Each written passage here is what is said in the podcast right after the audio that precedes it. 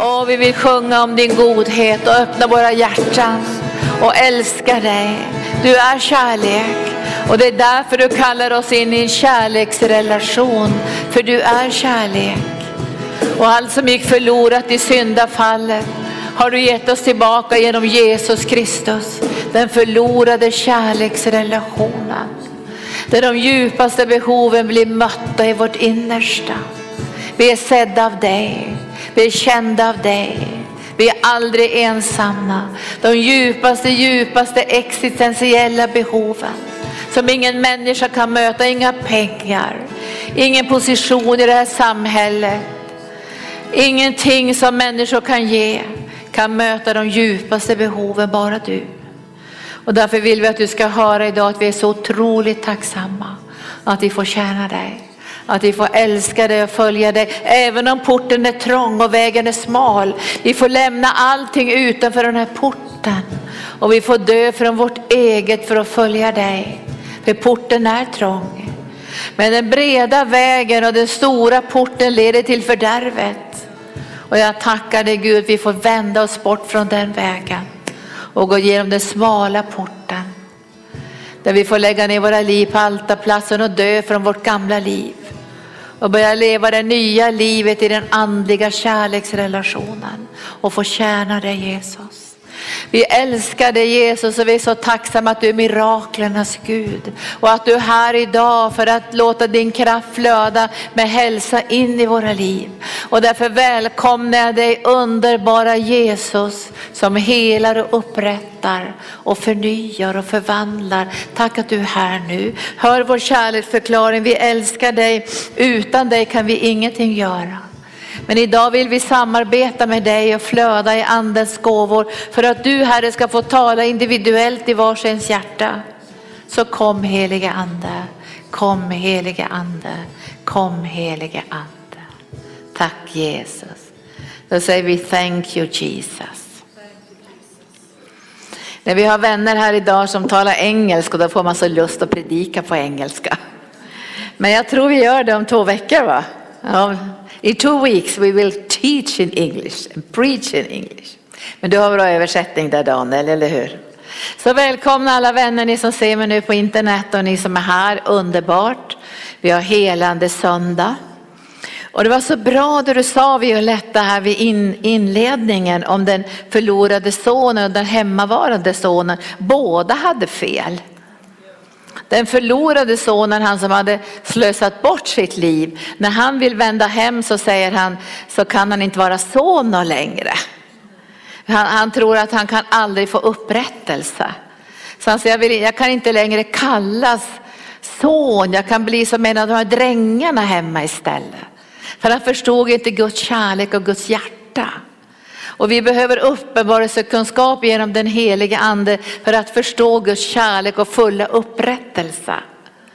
Vi möter människor som har liksom förlorat mycket i livet genom sjukdom och omständigheter och skilsmässor och lidande och lämnat församlingar och gått sönder och så går åren. Och det var en kvinna som sa till mig, jag har förlorat så många år. Men då sa jag så här att för Gud är en dag som tusen år och tusen år som en dag. Det finns något som heter kronostiden och kairostiden. Kronostiden betyder den tid som går och den går ju inte att stoppa, eller hur? Det är bara en gång i Bibeln som tiden stoppades. Men en dag ska tiden ta slut, det står det. När, säger lärjungarna, är tecknet på din tillkommelse och tidens slut? Så det kommer en dag vänner då tiden inte längre existerar. Då man inte längre kan göra de här besluten. Jag har beslutat att följa Jesus då beslutstiden är över och det blir så evighetskonsekvenser. Och jag sa till den här kvinnan, Gud kan ge tillbaka det som Satan har stulit. Och det lovar ju Gud sjufaldigt. Om Satan har stulit ska Gud ge tillbaka sjufaldigt. Och lämnar vi allt för att följa Jesus får vi tillbaka hundrafaldigt. Men jag tycker att den hemmavarande sonen är nästan större tragedi. Därför när man tjänar Gud på fältet, nu har jag tjänat Gud snart i 50 år. Och jag ser det som den största, största förmån att få tjäna Jesus. Alltså det är en sån förmån och en sån glädje. Men jag vet och jag har mött så många människor där slavanden börjar komma in i deras hjärtan. Alltså de, de har tappat bort den där äh, kärleksrelationen och glädjen att få tjäna Jesus. Och istället kan man höra, men jag känner mig så utnyttjad. Jag blir bara utnyttjad eller jag bara slavar här och jag måste bara det här och det här. Och så börjar man plötsligt ta på sig slavidentiteten. Visst är det tragiskt? När det är en sån otrolig förmån att få tjäna Gud. Dag efter dag med den här drivkraften så vi älskar Jesus. Därför tjänar vi honom. Men den här killen hade glömt bort det. Och ni vet att många kristna som har tjänat Gud, efter ett tag så tar de på sig slavmanteln. Och då börjar man leva i en lögn. Och när han gick där på fältet, det kan vara jobbigt på fältet. Det kan vara jobbigt att vara missionär i, i Nepal idag, att vara missionär kanske, eller leva i Nepal eller i Iran eller något annat land. Och så börjar man känna att det här är jobbigt på fältet. Och så börjar man få en förvrängd bild av Gud. Nu talar jag bra va? En förvrängd bild av Gud. Och det var det som Satan lyckades med. Jag kan inte fatta att de inte slängde ut denna otäcka gamla orm ur lustgården, eller vad säger ni? Han kom där och väste och ljög. Och så säger han så här, ja men ni kan få allt men ni behöver inte Gud. Ni kan få allt, allt, allt det här men ni behöver inte Gud. Men du och jag vet ju idag att om vi separerar pengar från relationen med Jesus så blir det död. Det bryter ner våra liv. Därför allt som vi gör ska vi göra ihop med Jesus. Hur kunde han lura dem? Jo, han ifrågasatte, har Gud verkligen sagt? Så han börjar ifrågasätta Guds ord och därför behöver du och jag veta, vem är det som talar till oss? Är det människor som talar till oss? Eller är det ormen som talar till oss? Eller är det Jesus som talar till oss? Människors ord, de kanske inte kan hålla allt de lovar.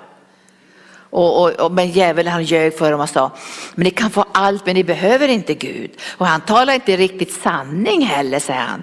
Därför han försökte in, infiltrera deras tankar och säga, Gud han missunnar er olika saker också. Därför att ni, om ni äter på det här fantastiska trädet som han har förbjudit er att äta på, då kommer ni att få förstånd. Och det vill inte Gud ge er. han vill att ni ska vara liksom bakom flötet så lurar han dem. Och så får han det här som han vill ge dem att se så lockande ut, så vackert. Vet ni att världen är full med kulisser? Jag intervjuade några ungdomar häromdagen och frågade varför i världen använder ni så mycket kokain och så mycket droger och så mycket alkohol? Och då sa de bara helt ärligt till mig, ja men det blir mycket roligare då.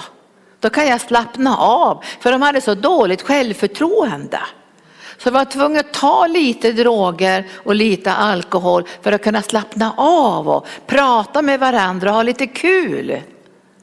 Men jag tror att det är mera kul utan alkohol och kokain. Därför Bibeln säger, dricker inte druckna av vin utan låt er fast med uppfyllas av den helige ande. Och det är väl skönt att kunna slippa baksmälla, eller vad säger ni? Har ni varit bakfull någon gång? De flesta av er är så fromma här så ni har inte varit bakfull. Och med den bakfyllan kommer så fruktansvärd ångest också. Men att bli full i den heliga ande, det känns så bra på, på morgonen. Alltså den här glädjen. Tänk att den här hemmavarande sonen gick och tänkte, nu är jag slav och jag får ingenting. Snåla farsan. Och, och, så gick han där och morrade och blev mer och mer deprimerad. Vet du, det är den största tragedin. När man börjar få en förvrängd verklighet och djävulen talar in i våra liv. Och vi hörde ju vad Violetta sa, men varför tror du på den där lögnen? Allt mitt är ju ditt och du är ju alltid med mig. Men det hade inte han sett. Så i, i den här världen idag så finns det så fruktansvärt mycket lögner och bedrägeri och beskrivningar av Gud. Ibland tänker man Gud är en jättearg gubbe som sitter med jättenäsa i himlen. Och så har han stekpannan och någonting i handen. Han tänker kolla in här om de sköter sig. Och många har den bilden av Gud, alltså man är rädd för Gud. Man får en lagisk, prestationsinriktad inställning till Gud. Eller så är det bara fantasier. Man kan gå och fråga människor, nu är vi i många länder. Om jag åker till Indien, jag jobbar ju mycket i Indien och frågar där hinduer. Vem tror ni Gud är? Skulle ni kunna tro på Jesus och säga, ja men vi kan ta in Jesus också bland våra gudar. För de har över fem miljoner gudar. Shiva och Brahma och Vishnu. Och, så då beskriver de Gud. Men jag märkte att många var rädda för, för de här gudarna. De var rädda för dem. För de tänkte att det kan ske något dåligt om vi inte offrar oss så här med miljontals gudar. Eller så kan de få bestämma att inte ha någon gud alls. Man kan gå direkt till Brahman och bli enad med kosmos. Men det finns väldigt tusentals beskrivningar om Gud. Jag är ju same själv och när jag intervjuar samerna för att fråga vad säger ni om Gud? Då är allting Gud eller allting är ande. Både djuren, naturen och gräset och allting. Det finns väldigt många beskrivningar av Gud. Eller så kan man vara arg. Jag intervjuade en annan ung kille som sa, ja men jag tror inte på Gud med de där korsfararna. Korsfararna, det var ju hur länge sedan som helst. Jag menar när vi tittar på människor så beskrivs ju inte Gud, eller hur? Vi skulle ju önska det, att vi så skulle kunna återspegla Jesus så människorna skulle känna igen Jesus i oss. Men många kristna är ju inte helgare heller, så det är svårt att känna igen Gud. Och därför har Gud bestämt att vi ska lära känna Gud genom Jesus. Visst är det bra. Så vill vi veta vem Gud är så har Gud bestämt att beskriva sig själv genom Jesus så att vi ska kunna lägga undan alla knäppa tankar och idéer. Och, för ibland lämnar ju folk församling för att de är arga på Pelle Karlsson, eller Pelle, eh, kanske inte Pelle Karlsson, det var en sångare där, vi tar något annat namn, Karl Johan.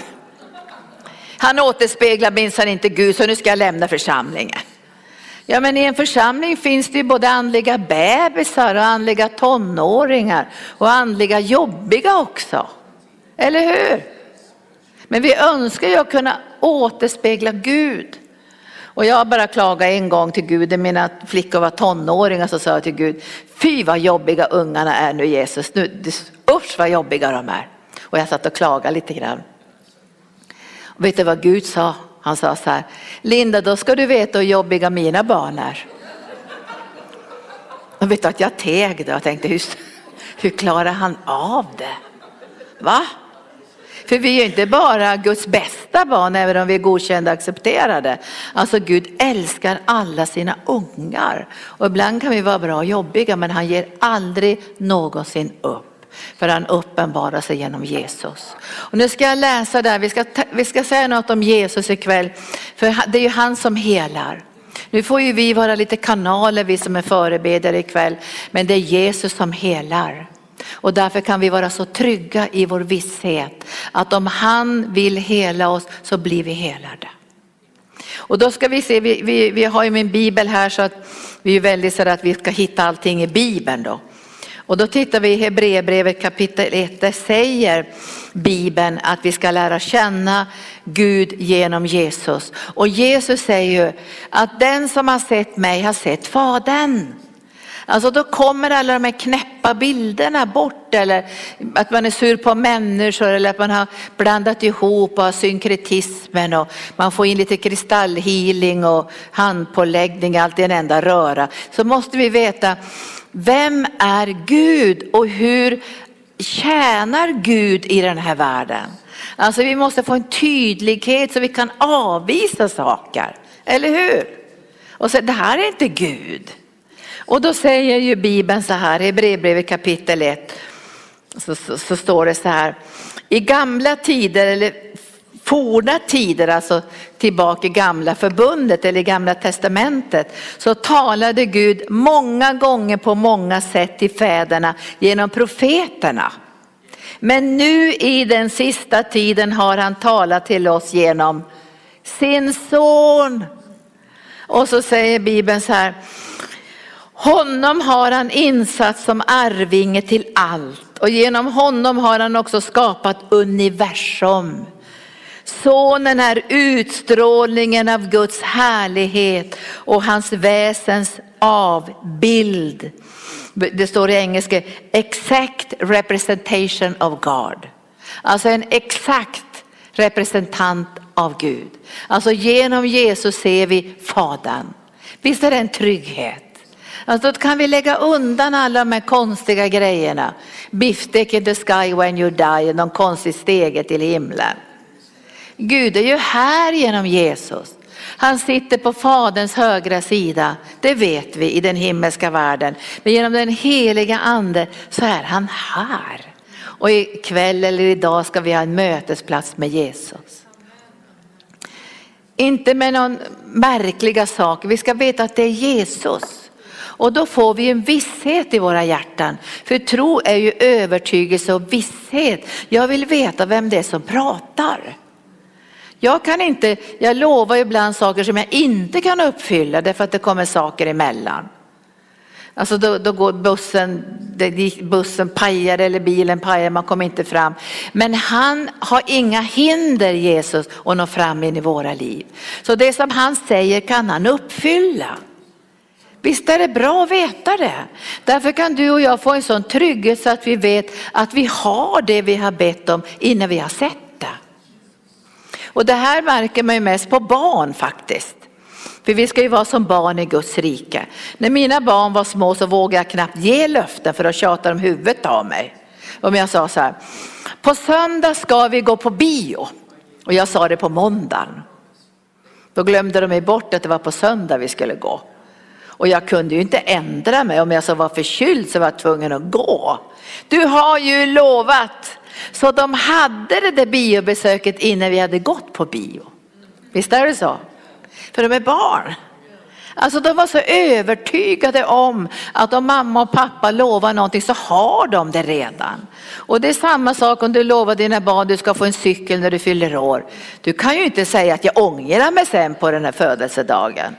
Därför de har cykeln redan. De berättar för kompisarna, jag kommer få en cykel. Alltså det här är den tro som Jesus längtar efter att du och jag också ska ha i våra hjärtan. Att har han lovat någonting genom sitt ord, då har vi det redan på ett osynligt sätt genom hans löfta. Alltså det är en visshet och övertygelse och det är trons innersta väsen och vi ska ju vara troende. Det är därför som du och jag går sönder av bekymmer och oro. Vi är inte skapade för det. Alltså vi ser ju nu hur människor stressar sönder sina liv. För vi är inte skapade att ha bekymmer och oro. Och vi ska titta på det lite hastigt ikväll. Därför i paradiset hade de inga bekymmer och oro. De gjorde allt ihop med Fadern. Han kom på kvällen och Jesus var ju med också för det står låt oss göra människan till vår avbild.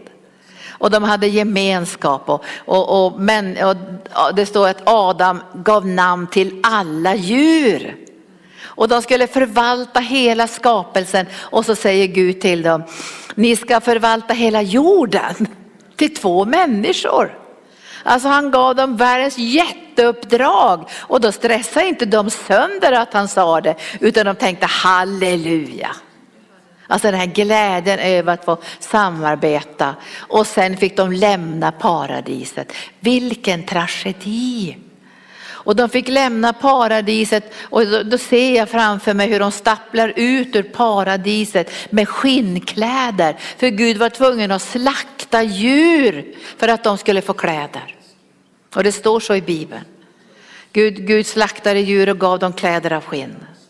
Och sen stängdes porten till paradiset och en jätteängel med draget svärd stänger dörren. Kan ni se Adam och Eva? De lämnar paradiset med skinnkläder och undrar hur gör man upp eld? För Gud bodde inte längre i dem. Syndafallet och vägen var stängd. Men när du har tagit emot Jesus som frälsare, vet du om att ängeln har stigit åt sidan så här, säger välkommen. Och du får gå in liksom i det andliga paradiset och äta av livets träd i en andlig kärleksrelation med Gud. Alla religioner förstår någon typ av fall. Man säger inte syndafallet, men man säger att någonting har gått sönder. Alla religioner, jag har studerat på universitetsnivå religioner. Jag har sett alla religioner ser någonting har gått sönder och vi måste försöka själva upprätta det. Vi kan inte upprätta det som har gått sönder, men han har gjort det för oss och öppnat dörren. Så vi av nåd får gå genom hans kropp, genom hans blod in i det allra heligaste och bli upprättade igen. Vi behöver veta vem är det som pratar? Vem är det som talar? Är det ormen? Eller är det vetenskapen? Eller är det människoorden? Vem är det som talar? Vem är det som talar? Och då säger jag, vem lyssnar vi till? Och nu ska vi lyssna till Jesus, eller hur? Och vi ska be att han ska tala ikväll.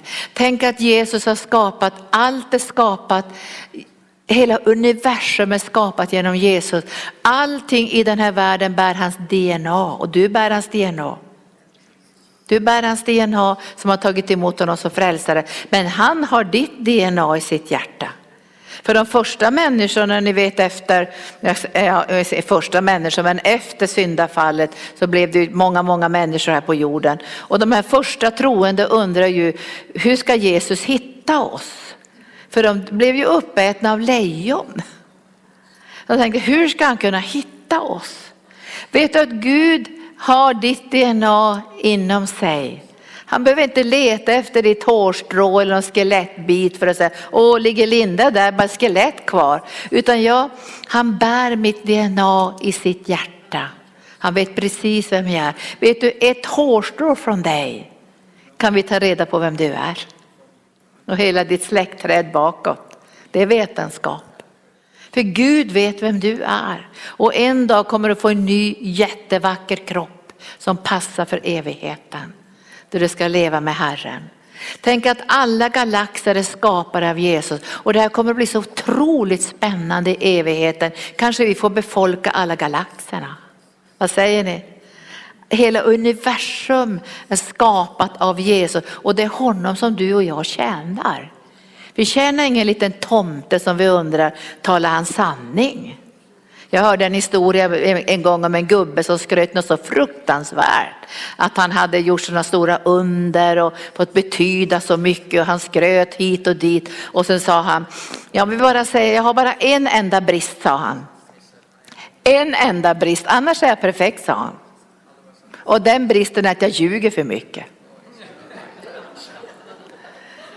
Vem lyssnar vi på? Vem lyssnar vi på? Och vi ska lära oss att lyssna på Jesus och skilja hans röst från alla andra röster. Det första vi behöver veta, och det ska vi titta på ikväll eller i eftermiddag, det är att Jesus har makt att bota. Och vi ska titta lite grann ifrån Lukas evangelium. Där det står att Jesus har Herrens kraft att bota. Och det står i femte kapitlet i Lukas evangelium och den sjuttonde versen, slutet av sjuttonde versen står det, och han hade Herrens kraft att bota. Jesus är Gud, men i den här världen uppenbaras han som Guds son och la undan all sin härlighet för att uppenbara vem Gud är. Och det står att han hade Herrens kraft att bota. Och ikväll har också Jesus kraft att bota. Men nu har han återtagit all sin härlighet som Gud. Och ikväll får vi gå in i den kraften och den smörjelsen och ta emot helande av honom för han vill. Vi ska titta på några fantastiska ställen. Vi ska börja titta på kapitel 4 så ska vi titta vidare lite grann på hur han har helat.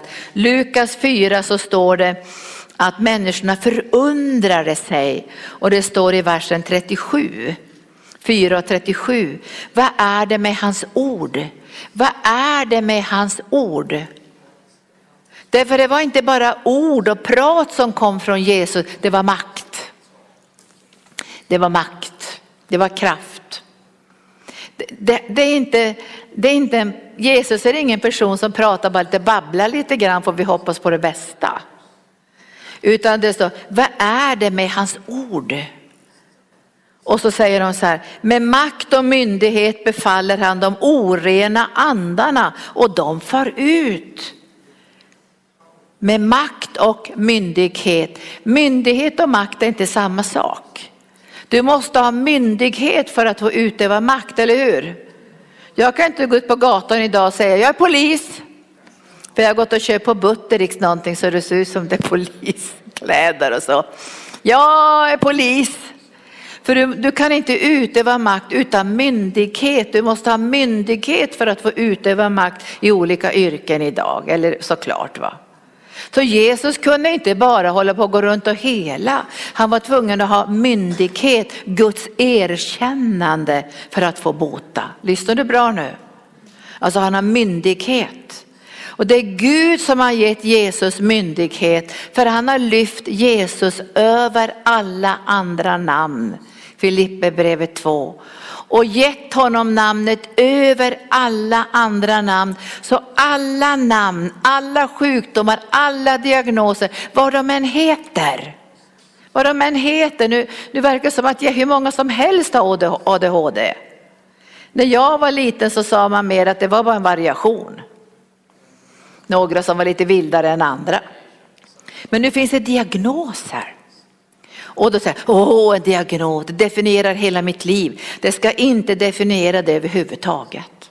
Därför alla diagnoser, alla sjukdomar, alla namn, var är de någonstans? Under Jesu fötter, alltså de har förlorat sitt inflytande i ditt liv. För du är en ny skapelse. Tack Jesus. Är det bra det här? Så du är inte din cancer eller din diabetes eller din ADHD. Den är inte överhuvudtaget din. Därför Jesus har burit den på Golgata kors. Det som är ditt är din hälsa. Vem är det som pratar? Det är Jesus. Och det står att när han uppstod ifrån de döda så la Gud alla diagnoser, alla sjukdomar, alla namn under hans fötter som en fotapall och han triumferade över dem. Vem är det som talar? Det är Jesus. Nu är inte jag emot läkare, jag är inte emot diagnoser heller och jag skulle inte förneka om en läkare sa till mig att Ja, du har den här diagnosen. Jag skulle inte säga att du sitter och ljuger, det skulle inte jag säga. Men här inne skulle jag säga, det är under Jesu fötter. Absolut, det är under Jesu fötter. Och den här diagnosen ska inte ha makt över mig. Om någon ska ha makt över mig ska det vara Jesus. Vad säger ni? Det här är beslut som du och jag måste bestämma oss Vem vill vi lyssna på? För det värsta som händer i våra liv är tvivel. För när vi tvivlar så kastas vi hit och vi kastas dit och så kommer bekymren och oron och stressen. Och vi är inte skapare för oro och bekymmer, vet du, vi blir sjuka av det. Därför vi är inte skapade för att klara av det. Om vi var skapade för att klara av stress och oro så skulle inte Jesus säga, inte med, alltså du kan inte förlänga ditt liv eller någon annans liv. Om jag kunde förlänga någons liv som jag älskade med oro, jag lovar jag ska oroa från morgon till kväll. Men vi kan inte förlänga någons liv och inte vårt eget liv med bekymmer. Vad står det? Du kan inte med det bekymmer lägga en aln, det är en halv arm till din livslängd. Och därför säger Jesus, bekymra er inte. För det bryter ner det innersta och man får svårt att se Gud. Därför man kastas en hit och en dit. Och det står i Bibeln att man kastas liksom som en våg fram och tillbaka. Och om jag säger, varför säger Jesus så här? Bekymra er inte, för han vet om att vi går sönder. Har du, har du känt någon gång att du går sönder? Alltså man får huvudvärk, man får ont i magen, man blir så stressad så att man nästan tappar andan. Därför är vi inte skapade för det här. Och därför vet Jesus att vi går sönder. Och därför måste vi lyssna. Vem lyssnar vi på? Vi måste lyssna på Jesus. Och jag får be Gud om förlåtelse ibland. Så varför lyssnar jag på andra saker än på honom? Varför lyssnar jag hit och dit på alla röster och, och det kommer att gå dåligt, det här kommer att vara dåligt, det här kommer inte att gå. Var kommer det ifrån? När han säger Jesus att tillsammans med honom så kan vi göra exakt allt han har kallat oss till. Så det kommer sådana här röster och det blir ju värre om man står i en livsfarlig situation eller ut, utmaning. Och nu, ni är ju här idag för vi ska tro på helande, eller hur? Så vi är inte elaka mot varandra. Så vi säger, du är dålig du som har bekymmer. Jag tycker om den här pappan. Lärjungarna kunde inte bota pojken, det gick ju inte, det vet ni i Bibeln. Och så kommer Jesus ner från förklaringsberget och så frågar pappan, förmår du? Jag bara, bara kan höra den här ångesten, förmår du? Och så säger Jesus, allt förmår den som tror. Och, så, och då säger pappan, jag tror, hjälp min otro. Jag tror! Och det här måste vi göra på samma sätt för att komma ur de här tvivlarna. Och ibland låter det här likadant. Alltså. Jag tror, hjälp min otro. Det är samma nivå på det. Men efter ett tag kommer du att känna, jag tror, hjälp min otro. Otron blir mindre och mindre och mindre och får mindre kraft i ditt och mitt liv. Därför att vi proklamerar Guds löfte. För han som har gett löftet är trofast. Trofast, alltså det är Guds karaktär uppenbarad i Jesus Kristus, han är trofast. Vad är det med hans ord? Därför onda andar lyder och så kommer Guds kärlek. Jesus kommer ju in i Simon, den, alltså Simon Petrus hus där svärmor ligger i hög feber. Och så står det att Jesus talar, alltså han lutar sig över henne och talade strängt till febern och så lämnade febern henne och blev fullständigt helad. Skulle inte han kunna göra det för dig och mig idag? Alltså jag tycker han är likadan idag. Bibeln säger ju han är densamme igår, idag och i evighet. Alltså han kan inte förändras. Men du vet att djävulen slår så här emot oss. Ja det kanske inte gäller dig och du, klart att Gud kan men vill han? Och då möter Jesus i nästa text, den tolfte versen, så står det i 5 och 12. Det är samma område här i Lukas evangelium. Så står det att en man var full av spetälska Mannen fick se Jesus och föll ner på sitt ansikte och vädjade. Herre om du vill så kan du göra mig ren. Man kan liksom höra den här stressen. Om du vill kan du göra mig ren? Vad säger han egentligen? Jag vet inte om jag är värdig. Jag vet inte om du är på det humöret heller. Jag vet inte om det är ens Guds vilja att jag ska få bli helad. Och nu måste vi höra vad Jesus säger. Vad säger han? Trettonde versen. Då räckte Jesus ut handen och rörde vid honom och sa, jag vill jag vill, jag vill. Alltså när den mannen hör de här orden jag vill så blir han fullständigt helad. För Jesus han, ja det står ju så här, genast försvann spetälskan och Jesus han tänker, nu får inte han gå och berätta för alla om det här.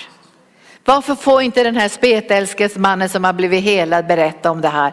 För Jesus har ännu inte rustat alla sina lärjungar. Och han måste gå ut i öknen och gömma sig för den här mannen springer runt och berättar för alla. Han lyssnar inte på vad Jesus säger, han bara springer ut och berättar. Han vill, han vill, han vill, skynda er allihopa ni som tvivlar och känner oro kring om Jesus verkligen vill och människorna kommer ifrån alla håll för att bli helade. Och det ska jag läsa ifrån Lukas kapitel 6. Alltså nu börjar det bli väckelse. Därför vi behöver veta det här. Kan han, vill han och gäller det oss? Och jag tror inte att Jesus har favoriter, det vore totalt fel att tänka så. Att han har vissa, för att han har ju, tänker, kanske han tycker vissa är bättre och de helar han. Men det, det är inte kristendom, utan kristendomen fäster sin tro vid korset, vid uppståndelsen. Har, har han dött för en så har han dött för alla. Alltså han har dött för alla människors frälsning. Och han har dött för alla människors befrielse. Och han har dött för alla människors förlåtelse. Han har dött för alla människors upprättelse och läkedom. Så alla involveras i Jesu försoningsverk. Men jag tror att mörkrets makter lägger så mycket tvivel och så mycket oro och bekymmer in i våra hjärtan så vi har så mycket att kämpa med. Och därför behöver vi höra alltså, vad Jesus säger gång på gång på gång på gång tills vi säger jag tror. Hjälp min otro, nu är det bara lite kvar tack Jesus. Jag tror, hjälp min otro.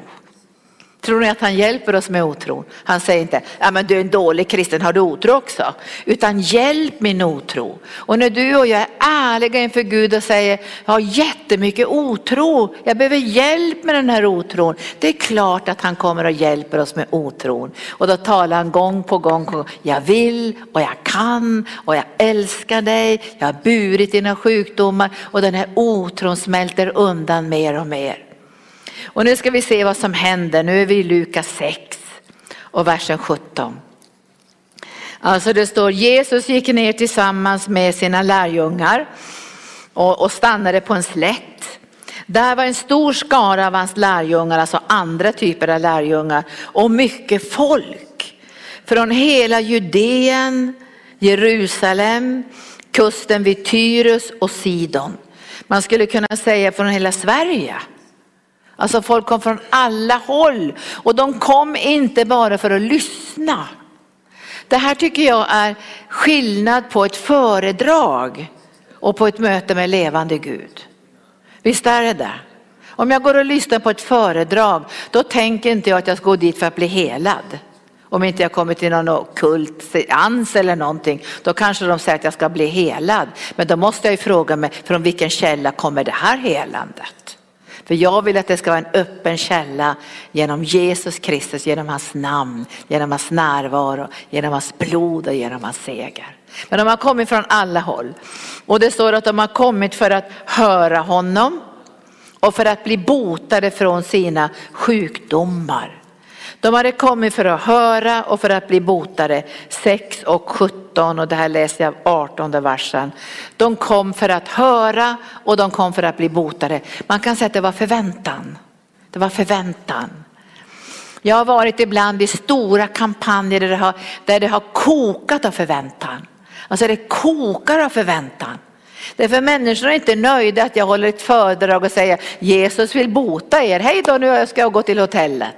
Utan de tänker komma fram och möta Jesus. Eller hur? Alltså den kokar en förväntan och jag tror att vi kommer in i tiden nu när det kokar förväntan. Vi har kommit för att höra, vi har kommit för att bli botade och bli befriade från onda andar. Jag har ju berättat ofta när jag var i Nepal det var inte du med mig Charlotte, jag tror jag var, det var ett team som var med mig men jag tror jag var ganska ensam i den stora kampanjen. Det var cirka 2000 människor som var där. Och en kvinna blev fullständigt befriad från onda andar genom Jesus. Alltså hon blev så befriad att man bara stod förundrad och hon hoppade upp och skrek liksom att hon var fri. Och då började det koka i lokalen. Därför då satt det människor där som var bundna av onda andar och de hoppar över stolarna för att springa fram och röra vid Jesus. Sånt gillar jag. Då känner jag halleluja, det här är mitt vatten, det ska koka. Tänk att sitta så här, av, nu, ni är aldrig avslagna ni, men jag har varit i avslagna möten. Det är ungefär vi går hem och tuggar tuggummi. Nu ska vi höra på ett föredrag. Vi tror inte på några föredrag. Vi tror på att Jesus talar. Och kan jag vara en kanal och tala det som Jesus säger så kommer du få mötet med Jesus också. Och då väcks det här längtan. Nu, nu, nu, nu, nu kommer det att ske, nu kommer det att ske, nu kommer det att ske. Jag tror jag berättade för eleverna, jag, var, jag tror det var mer ett kyrkligt sammanhang, jag tror det var det. Och jag hade predikat och så skulle jag ta fram folk på förbön. Och folk, det var många som kom fram. Men när jag la handen på dem så var det helt stumt. Och först tänkte jag, men varför är det så stumt? Och så la jag på nästa. Det var helt stumt, det var som att lägga handen på ett träd i skogen. Och jag på nästa la jag handen, nästa la handen, nästa la jag handen. Och så kom jag till en ung kille, jag hann knappt lägga handen på honom. Så skrek han bara Ho! skrek han och kastade sig baklänges. Och jag tänkte, men vad var det här? Så jag gick och frågade honom efteråt. Vad, vad, vad, vad var det med dig, sa jag. Och då sa han, från den dagen jag hörde att du skulle komma till vår kyrka så har jag bett. För jag har så stora behov, sa han. Och jag hade förberett mig att när du skulle komma nära mig och lägga handen på mig, då skulle jag ta det. Det är ju så här som jag läste nu. Och jag frågade de, några andra, hade ni någon förväntan på att Gud skulle göra någonting? Men det var som hade liksom ingen förväntan på det där sättet som de här människorna hade i Bibeln. För det står att de hade kommit för att höra och bli botade från sina sjukdomar och även de som plågades av orena andar blev botade.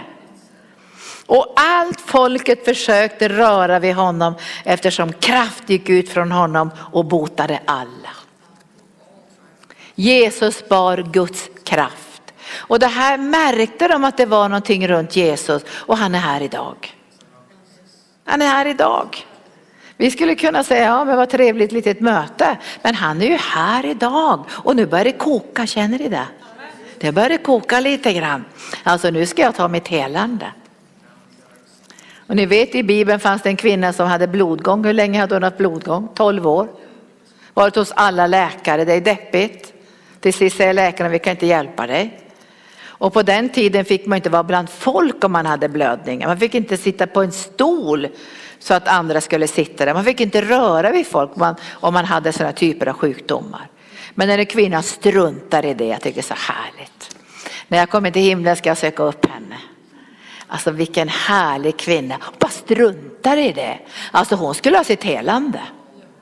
Så hon, det var fullt med folk, det var jättemycket folk, men hon kokade här inne. Jag ska ha mitt helande.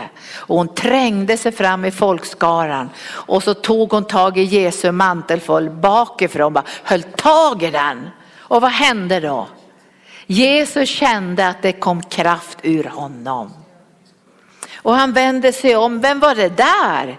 Och lärjungarna säger, det var väl ingen speciell, säger lärjungarna. Alla håller ju på att komma nära dig och rör vid dig. Nej, säger Jesus, det är någon som har rört på ett annat sätt. Någon som har rört på ett annat sätt. Och ikväll ska du och jag röra på ett annat sätt. Med medvetenhet, med fokusering, med det ska koka i vårt innersta. Ikväll ska du och jag röra vid Jesus. Det är inte säkert alla behöver jättemycket helande ikväll, men alla behöver vi att få behålla hälsan som vi har idag. Och vi behöver alla må bättre, så är det, eller hur? Psykiskt eller fysiskt behöver vi alla del av Guds helande kraft. Men det kan hända att en del av er ikväll till och med har en allvarlig sjukdom och då behöver vi veta att det är under Jesu fötter. Alltså jag, jag känner så här, jag måste inte tro på det, men jag vill tro på det att det är under Jesu fötter. Jag, måste, jag vill och måste tro att Jesus har trampat ner det här under sina fötter och den här sjukdomen förlorar sin djävulska kraft. För till och med en enkel förkylning kan döda oss. Därför immunförsvaret kan bli tokigt också och börja attackera kroppen. Det är därför det blir biverkningar på vacciner och sånt där.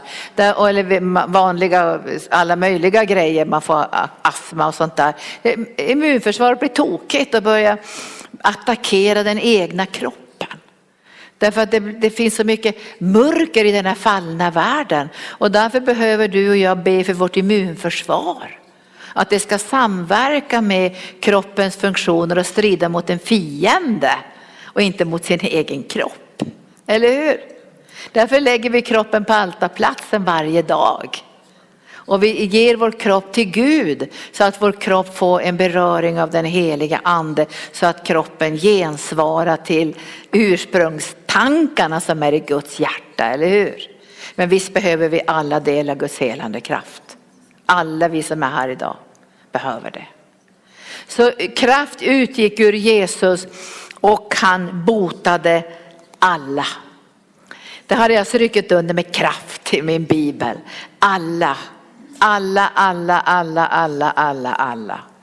Och nu tänker man, ja men Jesus, du är ju här genom den heliga ande.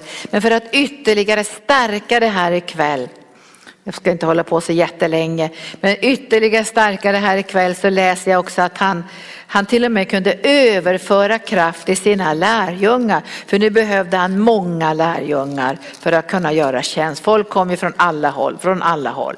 Och Lukas 9, nu går vi fram till Lukas 9. Alltså nu är det så mycket folk som kommer för att bli helade så Jesus rustar sina lärjungar. Och ikväll vill jag uppmuntra dig att säga, du som älskar Jesus och följer Jesus, du är rustad av den helige ande för att samarbeta med Jesus så att hans kraft kan flöda genom ditt liv. I nionde kapitlet står det, Jesus kallade samman de tolv och gav dem makt bara han kan ge makt för han har myndighet, han har rätt att ge makt. Han gav makt över några onda andar, det står inte. Det står alla onda andar. Makt över alla onda andar. Så det finns inga krafter som kan stå emot Jesus. Det måste ju vara så. Va? Och så står det, och bota sjukdomar, kraft att bota sjukdomar. Han gav dem tolv makt över alla onda andar och kraft att bota sjukdomar. Och han sände ut dem för att förkunna Guds rike och bota sjuka. Alltså det här verkar vara otroligt viktigt från Guds sida. Att vi inte bara förkunnar utan att vi förlöser Guds helande kraft eller sammanför människor med Jesus. Och då tar jag det sista här med bekymmer, oro och stress. Alltså när Jesus talar så måste vi lyda. Eller vi vill ju lyda i alla fall. Och då säger han någonting här, jag ska läsa det, det är från Johannes evangelium.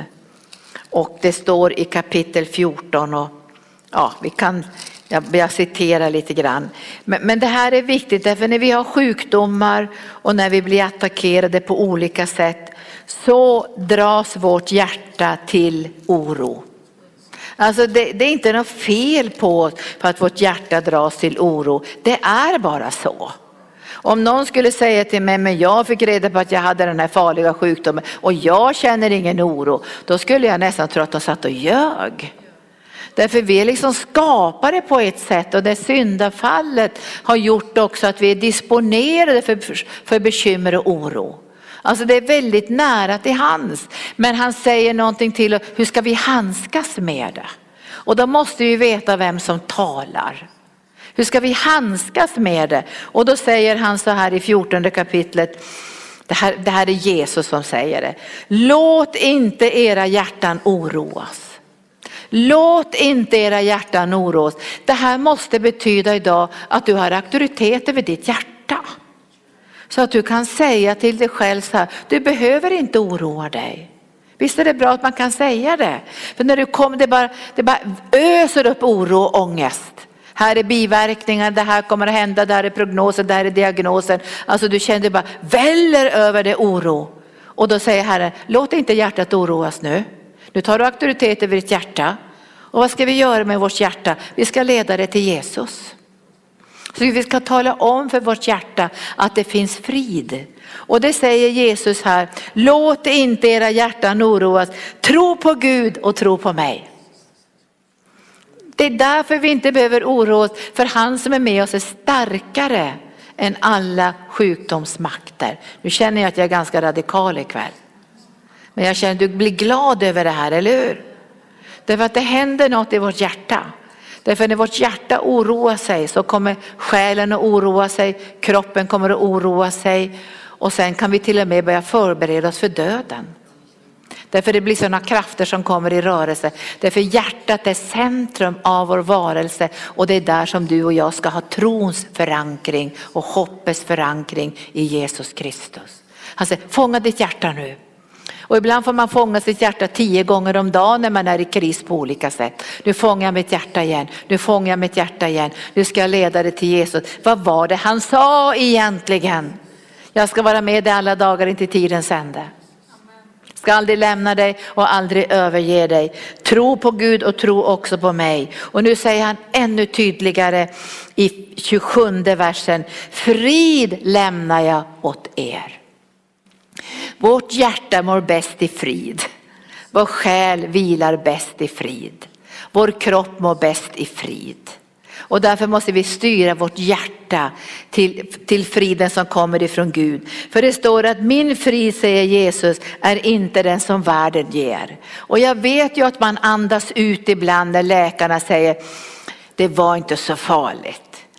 Får ju, man får ju gå på mammografi, ni vet va. Och ehm, jag var på mammografi för några veckor sedan. Och, och det får ju alla kallelser. Jag tycker man ska gå på de där kallelserna. Och så gick jag förbi, vet inte varför jag tittade på den där skärmen.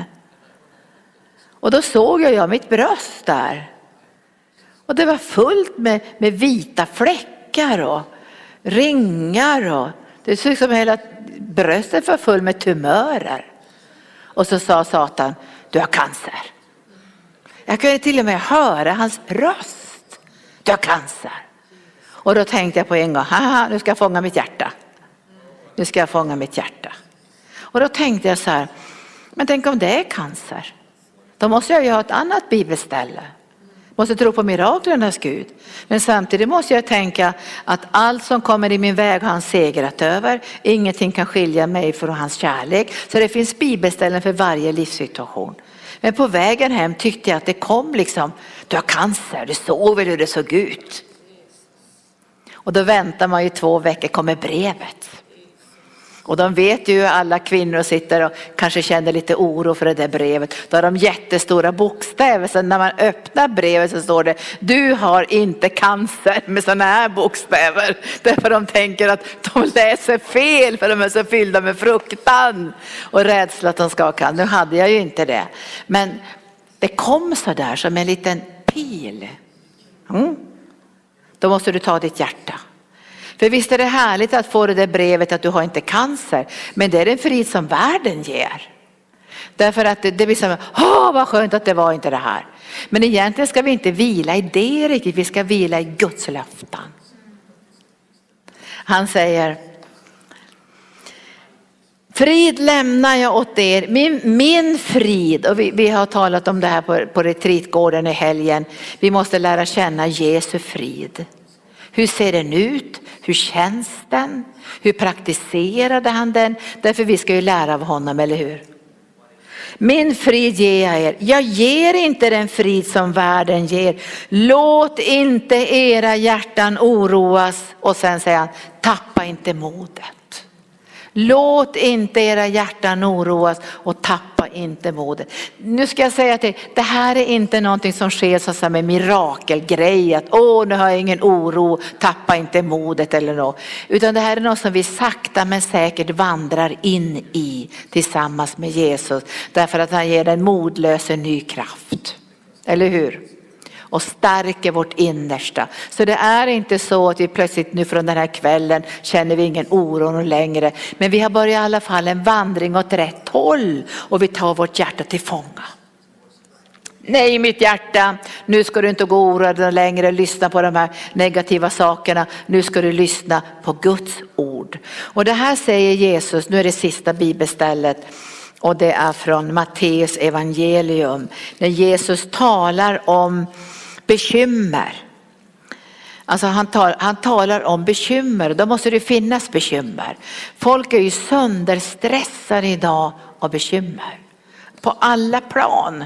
Och då kommer Jesus och säger någonting så han är ju jättejobbig egentligen. Eller, eller hur? Då skulle vi säga Jesus, du fattar varför vi måste bekymra oss. Vi har inte kontroll på någonting. Hela naturen håller på att falla sönder och det är kriser över hela världen och det är krig och det är miljöförstöring och det är allt möjligt. Det är klart vi bekymrar oss, men när du och jag bekymrar så går vi sönder. Och då blir vi oanvändbara för Gud. Och det är därför som Jesus säger, bekymra er inte. Bekymra er inte. Och nu tar han upp vardagliga saker som är kanske första området där vi går och bekymrar oss. Och det handlar om ekonomin och vad vi ska klä oss med och för vår hälsa, för vår kropp. Och, och då säger Jesus, varför bekymrar ni er? När vi är på retreat så har vi reflektion. Och jag måste, om jag har mycket bekymmer så måste jag ju sätta mig ner och fråga Gud, varför har jag så mycket bekymmer? Och när jag gör en reflektion ihop med Jesus så är det aldrig fördömelse och aldrig förkastelse och aldrig några negativa saker. Han hjälper mig att se varför går jag och bekymrar mig. Han kanske säger som till lärjungarna, Linda du har för lite tro på det här området. Du vet för lite om mina löften. Du, du, du, måste förstå mer av det här. Jag behöver för, varför går jag och bekymrar mig? Det kan ju bero på att jag tror inte på vad han säger. Alltså jag, måste, jag vill vara ärlig och ibland får man säga Gud, Gud jag, har så, jag har inte riktigt tro på att du ska vara med mig Jesus. Jag är inte så säker på att du har den här omsorgen om mig. Och då får man vara ärlig och berätta det för Gud och då berättar han någonting annat till mig genom sitt ord att jag har omsorg om dig. Det säger han ju här i Matteus evangelium kapitel 6. Varför bekymrar du med dig? Förstår ni inte att jag har omsorg om er? Varför har ni så lite tro? Och så säger han så här i trettonde versen. Nej, sök först Guds rike och hans rättfärdighet så ska ni få allt det andra också. Och ibland är det så att vi, vi missar det här därför att vi har satt andra prioriteringar före Gud och då kan det också komma in bekymmer och oro. Men det här får Herren tala med oss om och förklara för oss och hjälpa oss att få en bärande tro som bär utifrån att vem är det som talar? Det är Jesus.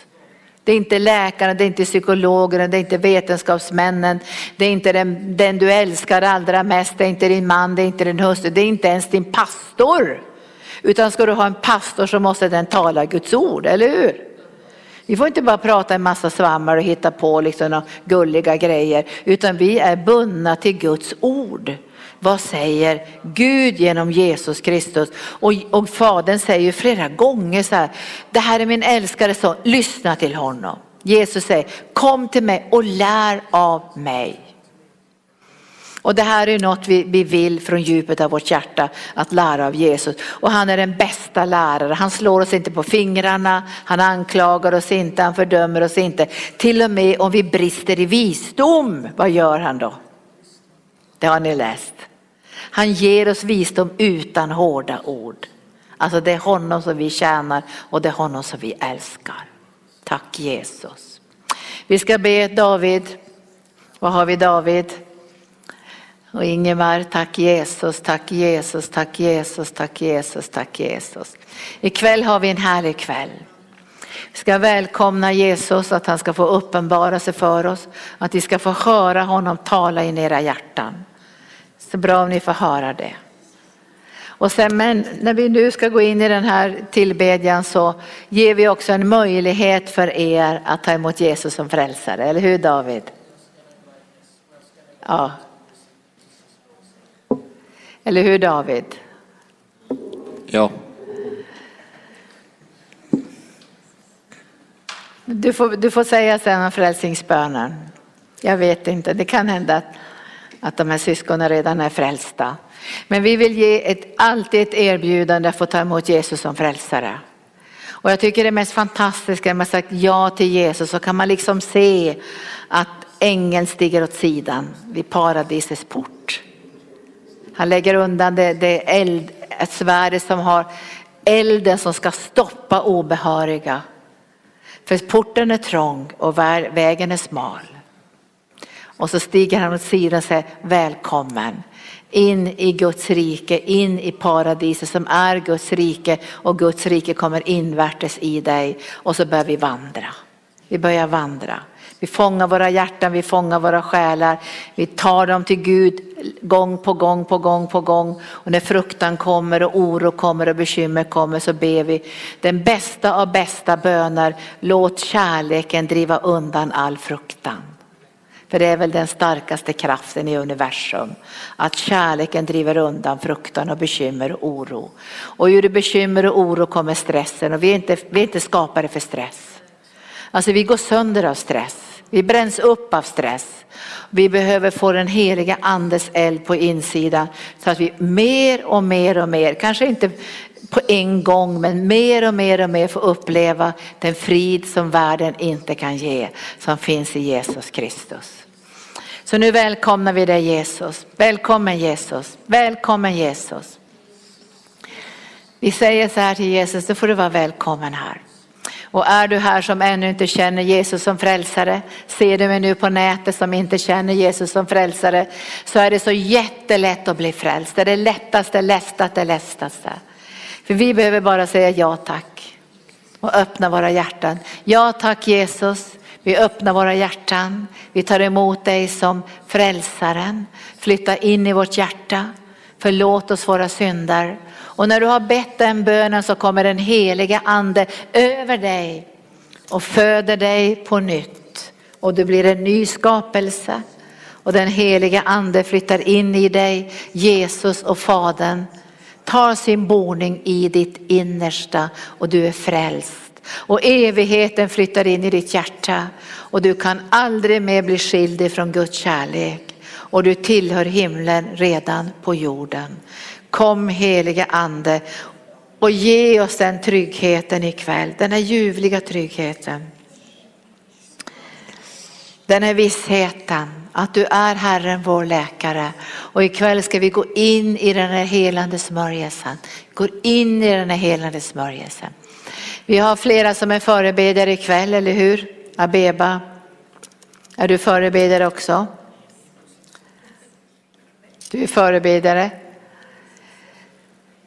Om ni är hemgruppsledare så är ni förebedjare också. Då är ni välkomna att komma fram och ställa er här. Nu ska vi gå in i Guds helande kraft ikväll. Men först måste ni se Jesus. Vi ska se honom nu. Ska David få sjunga och så ska vi se Jesus. Tack Jesus. Åh, vi är så tacksamma Jesus, vi är så tacksamma, så tacksamma, så tacksamma, så tacksamma. Åh, vi älskar dig, vi älskar dig, vi älskar dig. Kom Jesus och uppenbara dig. Tala in i våra hjärtan, tala in i våra hjärtan. Säg orden som ger oss frid och vila. Säg orden som fyller våra hjärtan med förväntan. Så det kokar i vårt innersta, så det börjar koka på insidan. Vi vet här att du är vår läkare. Du har burit alla sjukdomar och du lär händerna på var och en, står i Bibeln 4.40 i Lukas evangelium och botade alla och botade alla. Jesus kom ikväll, lägg din hand på oss ikväll. Lägg din hand på oss ikväll Jesus, lägg din hand på oss ikväll. Åh vad vi älskar dig, vi rör vid dig Jesus ikväll. Läkedomen ska flöda genom dig, kom heliga ande.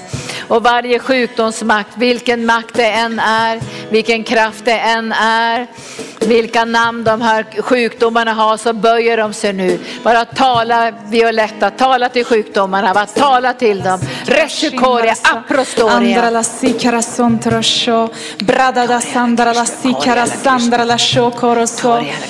Ja, tack Fader för att djävulens grepp är bara brutet och dödens makt är bruten. Så jag tackar dig Fader, Rishantira la sintarasa, för att du drar upp nu varje rot och varje liten del som finns kvar av sjukdom i våra syskons kroppar i Jesu Kristi namn. Radashantara la sikara santarasa. Jag bara talar ut befrielse Fader. Befrielse från all form av, av krämpa, av plåga, av smärta.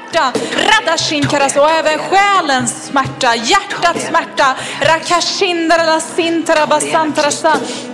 Och du lyssnar som känner att ingen kan fånga dig riktigt, som att ingen kan ta emot dig på rätt sätt. Det känns som att du faller, men att ingen ser vem du är i verkligheten. Det känns som att du är full av, av liksom, an, vad andra har sagt om dig och lögner. Men jag bara bryter makten av de lögnerna nu. Jag bryter ut dig från de lögnerna, från de makterna i Jesu namn. Och Jesus, han kan ta hand om dig. Han tar hand om dig. Han kan fånga dig när du faller. Och han ser ditt hjärta och han ser din kärlek och den som du är. Så bara blodets beskydd över dig. Och jag bara ber om helande och läkedom för allting som du burit i ditt hjärta som inte har varit du. Jag tackar dig Fader för de här människorna får se klarhet nu Jesus. Skillnaden mellan ljus och mörker, sanning och lögn. Jag bara löser ut urskiljningens nådegåva just nu. Och jag tackar dig Herre för vi får titta på oss själva och vi får se dig. Vi får se vår identitet i dig Herre Jesus Kristus. Det är du som äger våra hjärtan Herre. Du känner oss och du kallar oss vid namn Jesus. Och vi bara prisar att namnet legonsreumatism och andens och därför lungorna och hjärtproblemen och, och vi talar också till lungproblemen genom covid-19. All värk i knän och händer och armar alla, alla attacker av cancer och sjukdomsmakter. Vi bara talar till det för det står skrivet i Guds ord att allting ligger under Jesu fötter och han har triumferat över varje sjukdom där han besegrade varje sjukdom på Golgata kors. Och därför talar vi till sjukdomsmakterna, till sjukdomarna böjer nu i namnet Jesus. Ora centoria kentoria, silocoria, eprosoria, cantocoria, silokendestria gi atatsasasasasa, androkan ostra brentiostria kilosoria. Kom helige ande, kom helige ande, kom helige ande. Åh, bara kom helige ande, kom helige ande, kom helige ande. Coria la keirio keiriosoria, kandrocoria, sestocoria, estocoria. Åh, nu ska det komma läkedom in i din rygg. Tack Jesus, tack Jesus, tack Jesus. Åh, rasentostra, estro, estro, estro, estro. Jag bara talar till den här smärtan i ryggen, den här skadan som finns i hennes rygg. Böj det, astro, kasastro, kitostro, kotostro. Åh, bara flöda med din läkande kraft, flöda med din läkande kraft. Jag bara ser hur Guds kraft kommer nu in i din rygg i namnet Jesus. Åh, det flödar läkedom, det flödar apronosoria, apronosoria. Och den är djävulens plan att döda dig, den kunde han inte genomföra. Därför Guds kraft stod emellan dig och sjukdomens makt och Guds kraft verkar nu i ditt liv till full hälsa, till full hälsa, till full hälsa. Jag bara sänder full hälsa in i din kropp i Jesu namn. Full hälsa i namnet Jesus, full hälsa i namnet Jesus. Koria la bendolo soria la var på väg till dig. Tack Jesus. Jag bara tackar dig Fader för att du kan lyfta upp det här mörka molnet också som har svävat över våra huvuden. Allt det här av bekymmer och oro Fader som orosfåglar som har flyger. Jag bara tackar dig Jesus för du fångar dem just nu Herre. Radashant och du tystar dem Herre. Du tystar alla de här rösterna som talar så starkt över Rashantara och emot ditt ord. Kindara labasantara shikarasa. Jag bara bryter just nu makten av allting som har talat död åt ditt liv och lögn åt ditt liv och fört dig längre bort från Herren. Och också alla lögner om Gud. Jag bara tar dem till fånga nu i Jesu namn. Och jag tackar dig Herre för det finns större löften. Större löften. Det finns löften för dig där ute. Rashindara kasindarasa. Som bara, alltså Herren bara välkomnar dig tillbaka in i sin famn. Bashindra och han älskar dig. Kindara bashintarasa. Och han vill inte att du ska oroa dig, han vill inte att du ska bekymra dig. Utan han vill ge dig ett långt liv. Ett långt liv i Herrens frid. Att du ska bara få vandra med honom. Du ska få bara gå med honom och du ska känna honom i naturen och nära dig vart du än är. Ska du känna Guds härlighet och Guds närvaro. För han bor i ditt hjärta. Han kommer aldrig att lämna dig och aldrig att svika dig. Och han ska stärka ordet i dig också i din kropp. Så du får mer, du känner hans närvaro, du får mer tro på hans ord. Du vet att han är mäktig att, att göra de här undrena. Tack Jesus.